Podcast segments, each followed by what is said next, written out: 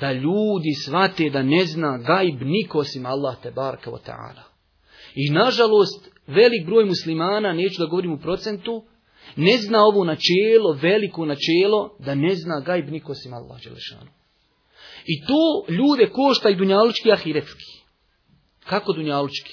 On ne zna da ne zna niko gajb osim Allah. Pa on konta tam neki sihriba što zapisuje i gleda u kašike i finđane i ostale horoskope, konta da zna gajb.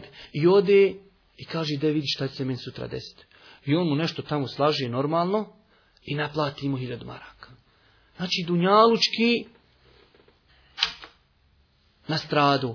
A ahiretski još gori. Jer gajb ne zna niko osim Allah. I Allahu poslanik alihi salatu wasalam je strogo, strogo, strogo zabranio odlazak kod oni koji pripovjedaju i gataju, koji govori o budućnosti. Kaže Allah poslanik alaih salatu wasalam u hadijskoj zabilježi imam Ebu Dawud Tirmizija sa vjerodostojnim lancem prenoslaca.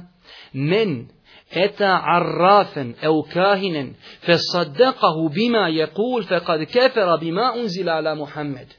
Ko ode kod vraćara, kod gatara i povjeruje ono što je rekao, kaže ta je nevjernik u ono što je objavljeno Muhammedu.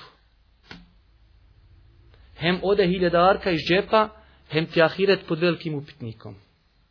Samo što ne znaš jedno načelo u vjeri. A to je ne zna gajb nikosim Allah. Počne čovjek pričati, ja znam što će biti sutra. Prekriži ga slobodno. Taj čovjek ima nešto neispravno kod sebe. Jel ti počne pričati, ja znam. Završena stvar. Ali to su lopovi. Kako bi oni ljude ubijedili da znaju budućnost? Prvo mu dođe njegov pomoćnik šeitan, pa mu kaže šta se tebi jučer desilo.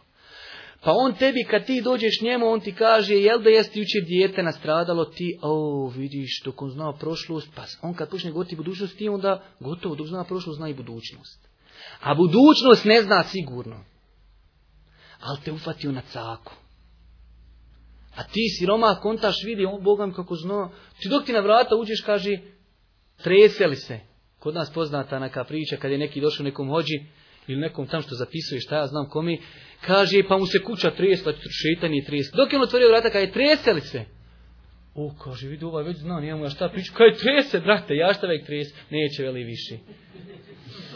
Gotovo. I sad njemu onda mu rekne, ne uzbila sutra krmi i pada kiša, sve on njemu vjeruje. A došli mu njegovi pomagači i rekli mu, doće ti taj mujo, trese mu se kuća, sam reći, tresel se i dovoljno Znači gajb, gajb, budućnost ne zna niko. Kašike, horoskopi, grah, filđani i sve ostali budalešćine, braćo moja draga, to je opasno. Vidite što kaže Boži poslanik. Ta je uz nevjerovu ono što je meni objavljeno. Ne treba ti veći musibet nego da uznevjeriš ono što je Božijem poslaniku objavljeno. I zato kažem, to je temeljno načelo potrebno umetu. Temeljno načelo potrebno ovom umetu.